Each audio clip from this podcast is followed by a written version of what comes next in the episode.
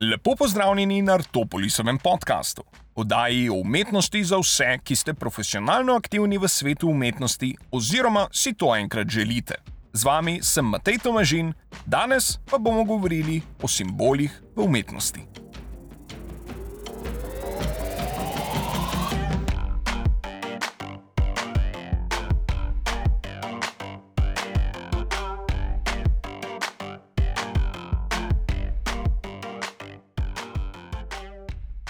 Nadaljujemo z analizo pojma komunikacije oziroma sporazumevanja, SSKJ slednjega definira kot izmenjavo, posredovanje misli, informacije.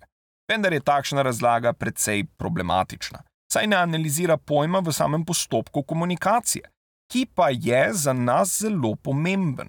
Na prvi pogled je namreč precej samoumevno sklepati, da se v postopku komunikacije med dvema subjektoma ali katerikoli drugi obliki komunikacije, ki smo jo predstavili v poglavju treh metagledalcev, informacija posreduje iz enega subjekta preko jezika, ki je skupen obema, v drug subjekt. Nekakšno zavijanje informacij v obliko, ki je sposobna potovanja in prenašanja teh informacij, pošiljanje teh paketov informacij preko naprimer pisane besede v mediju knjige in na koncu razvijanje teh paketov strani drugega posameznika ter njihova asimilacija v letega. Težava pri takšni razlagi komunikacije pa je lepo predstavljena v celostni obravnavi bazične teorije komunikacije, predstavljene strani matematičnega modela komunikacije avtorjev Shannon in Weaver. Avtorja, katerih namen je bil vzpostaviti bolj funkcionalno-tehničen pristop do komunikacije, prispevek recimo izide v kontekstu The Bell System Technical Journal, nista bila obremenjena s semantično polovico enačbe komunikacije. To pa je lepo razvidno iz sledečega odstavka. Citiram: Zasnova informacij, ki se razvija v tej teoriji, na prvi pogled deluje razočarljiva in bizarna. Razočarljiva zato, ker nima nobene veze s pomenom. Tako kot Shannon in Weaver se tudi mi namreč znajdemo pred podobno težavo, čeprav mnogo bolj potencirano preko drugačne formulacije leti. Namreč predpostavko, da besede, slike, glasbena dela in podobni načini komunikacije v sebi nosijo sporočilnost. Za otvoritev evalvacije takšnega pristopa pa bomo uporabili trditev Heinza von Foresterja iz začetka knjige Viveonce Finden, napisane skupaj z Ernstom von Glaserfeldom. Citiram: Poslušalec, ne govorec, je tisti, ki določi pomen izjavljenega. Vse to pa bomo analizirali preko eseja von Glaserfelda objavljenega v publikaciji Edition Ecoraum. Resničnost von Glaserfeldove teze je mogoče najlažje videti na primeru Beethovenove devete simfonije, Ode radosti. Tu pa seveda mislimo zgolj glasbeno delo, se pravi brez originalnega besedila Friedricha Schillerja, bodi si petega ali drugače povezanega skladbo. Le to pa zaradi zgodovine sprememb, ki so bile narejene z revizijo. Naprimer, Citiram: Berači bodo postali bratje vladarjev, spremenjeno v vsi ljudje bodo postali bratje, ki jasno, historično gledano vsaj, spremenijo kontekst dela samega. To delo je zanimivo že samo po sebi, saj če ga pogledamo skozi oči umetnostnega kritika Noela Carola, bolj natančno njegovem pogledu iz intervjuja, v katerem predstavi svoje pomisleke glede idej umetnostnega kritika Arturja Danta, namreč da lahko delimo umetniška dela na dela, ki nosijo določen pomen, in dela, ki so pod pomenom. Če analiziramo predpostavljen tok misli, moramo začeti pri koncu. Problematično sicer postane takoj, ko se glede na začetni argument, da simboli v sebi ne nosijo nobenega pomena, znajdemo pred predpostavko, da lahko umetniška dela delimo na tista z in tista pod pomenom. Pri tem argumentu je nujno, da razumemo pomembnost Carolovega razmišljanja, kjer on ne predpostavlja pomena kot del simbola, pripadajoč samemu simbolu in iz njega izpelje svoje razmišljanje, se le to trče ob Dantovo trditev, da imajo vsa umetniška dela svoj pomen. Tu rešitev ponudi z idejo umetniškega dela, ki je pod pomenom. Se pravi, nagovarja subjekt zgolj preko estetskih urodij, kot na primeru ode radosti. Vendar problematika takšnega razmišljanja nastane takoj, ko pogledamo na idejo estetike. Leta je funkcija, ki jo je naprimer Beethovenova deveta simfonija morala upravljati, saj je to edini klasifikator, ki jo loči od vseh neuspešnih simfonij, ki bi lahko Beethoven na mesto nje napisal. Če bi recimo prvi akord v skladbi avtor spremenil iz C-dur v C-dur, bi s tem ne samo ustvaril popolnoma drugo umetniško delo, to bi bilo namreč tudi slabše. Seveda, evalvirano striktno s pomočjo estetske vrednosti takšne spremembe saj bi se skladba začela z neprijetno progresijo C-dur v A-mol. S tem bi bila funkcija skladbe slabše upravljena, in če bi avtor spremenil vse C-dur akorde v C-dur akorde, bi bila skladba po enakih standardih evalvacije celo uničena. V primerjavi z nam, znano obliko in v kontekstu osnovnih zakonitosti glasbene teorije. Deveta simfonija pa upravlja estetsko funkcijo ki vsekakor sama po sebi ne nosi nobenega pomena, kot to tudi opazi Carol v svoji kritiki Arturja Danta. Vendar, če pogledamo dela, ki jih bi lahko predlagali, da posedujejo določene pomene, ki so seveda prisotni v delih samih, hitro opazimo problematiko takšnega razmišljanja. Predpostavljamo tako, da če je naprimer simfonija iz 18. stoletja primer umetniškega dela brez pomena, oziroma pod pomenom, lahko najdemo delo, ki je skrajno nasprotno tem stališču. Pomislimo na že omenjeno delo Brillo Box, Soapants od Wendyja Warhola. To najdemo celo na platnicah knjig tako Danta kot Carola, kot seveda tudi prisotno v njunem pisanju. Če si ogledamo pojav tega umetniškega produkta v korelaciji s takratnim dogajanjem in historičnim kontekstom dela v povezavi z zgodovino umetnosti in filozofije ter avtorjem samih del, hitro ugotovimo njegov pomen, ki je seveda ugotovitev Danta, da je vse lahko umetnost. Prav ta pomen pa je tudi edini faktor, ki to umetniško delo sploh dela umetniško. Za razumevanje našega izbora dodatno analiziramo predlagano umetniško delo. Hitro opazimo, da je njegov status kot umetniško delo precej problematičen. Težko bi govorili o estetski funkciji, ki bi jo lahko to delo upravljalo. Nikakor ne moremo govoriti o virtuoznosti njegove izvedbe, niti ne o vrednosti ali nevrednosti njegovih materialov. In kot opisano v poglavju o umetniškem delu, poleg dejstva, da je leto ustvaril uveljavljen umetnik in da je bilo razstavljeno v galeriji s predpostavko, da je to delo resnično umetniško, ne najdemo nekako ničesar v formalni analizi dela, ki bi lahko pričala o njegovem umetnostnem statusu. Vendar, če smo pazljivi, hitro ugotovimo, da je prav način, s katerim argumentiramo resničnost naše teze o pripadnosti pomenov k simbolov, problematičen. Saj vsi argumenti, ki naj bi pričali o resničnosti te teze, ne izhajajo iz umetniškega predmeta, temveč iz njegovega okolja. Bolj točno iz geografskega, političnega, ekonomskega, historičnega, kulturnega konteksta v katerem obstaja. Tako postane zelo jasno, da simboli ne morejo posedovati njim pripadajočih pomenov. Nekaj, kar smo videli že na začetku tega poglavja, ko smo se za potrebe definicije pojma posameznika bili primorani ustvariti kontekst, kjer smo za potrebo definicije pojma posameznika bili primorani ustvariti kontekst, v katerem je nekaj oziroma nekdo lahko posamezen in s tem postane posameznik. Če sedaj apliciramo to ugotovitev na prej omenjeno Beethovenovo deveto simfonijo, postane njena uporaba skozi zgodovino zelo logična. O tem pravi tudi Slavoj Žiže, ki tudi ta primer poda v svoje evalvacije ideologije v filmu Pervert's Guide to Ideology iz leta 2012. Žižek opisuje idejo simbola kot ideološko, čeprav je bolje, če le ta pojem v nadaljevanju zamenjamo s pojmom pomen oziroma pomensko, saj s tem izstopimo iz političnega konteksta v ontološko raziskavo, ki je vsekakor bolj na mestu v našem razmišljanju.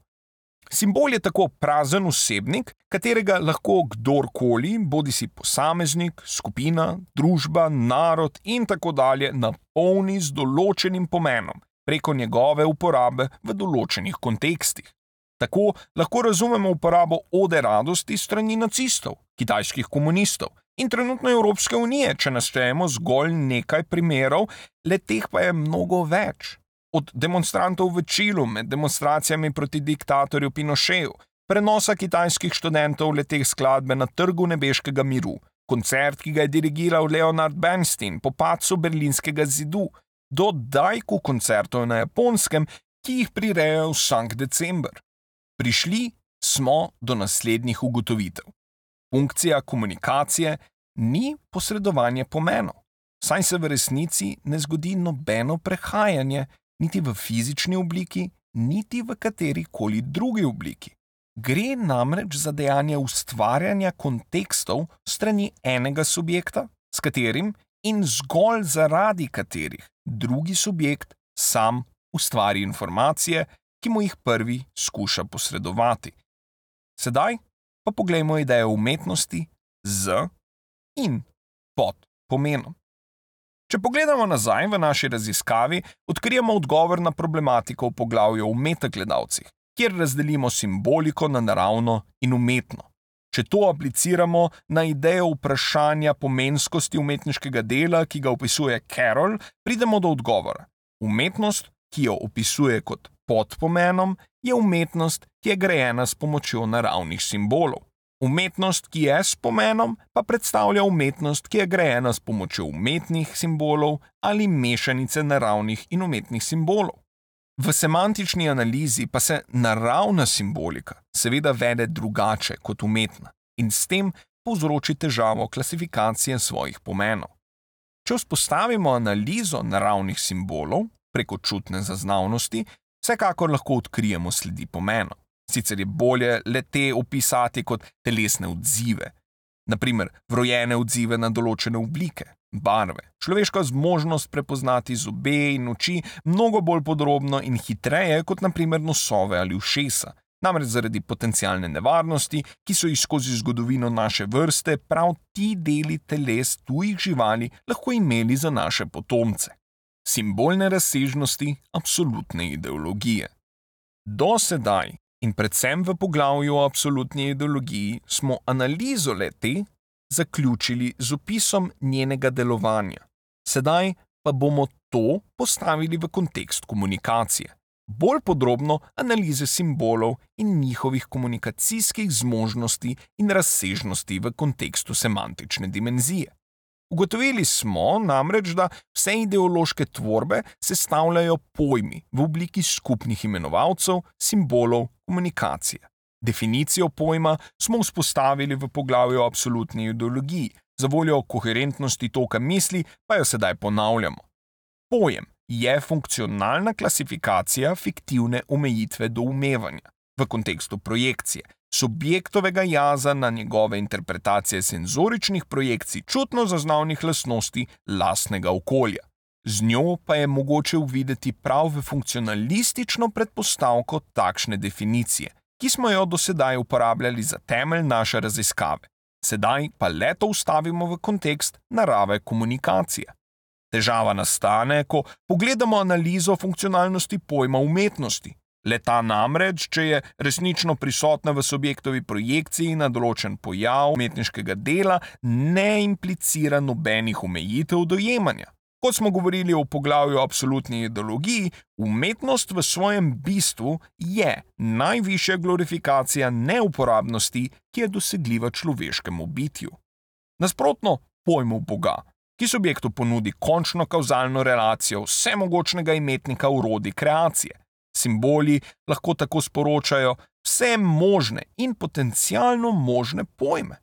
Pojem umetnosti pa ponudi način dojemanja simbola, ki zaobide pomene pojma Boga in kot končno kauzalno relacijo dojemanja ponudi prelom subjektovi lastni naravi. Pojavi se v pogled preko nefunkcionalističnega pristopa do stvarnosti. Če argumentiramo, da je pojem Boga esenca funkcionalizma, je pojem umetnosti tisti, ki le to lahko negira. Če božja beseda ustvari kontekst za pomen univerzalnega urodja subjektovega boja proti kaosu življenja, pojem umetnosti in narava pravilnega razbiranja le tega ustvarita kontekst pomena univerzalnega antiurodja oziroma antipojma, kontekst popolne nepragmatičnosti. Če je funkcija pojma Boga popolna pomiritev subjektovega jaza, posameznega in družbenega, v obliki ultimativnega funkcionalnega argumenta, je funkcija umetnosti, trenutna popolna odprava jaza in esenca sublimne izkušnje. Sublimna ne zaradi neskončne razsežnosti takšne brezpomenske izkušnje. Pojem brezpomenskosti ne uspe vzpostaviti željnega konteksta pomena izkušnje, ki jo opisujemo ampak zaradi njene nerazsežnosti. Pomislimo na dejanje deljenja za nič, ki v matematiki povzroči paradoks.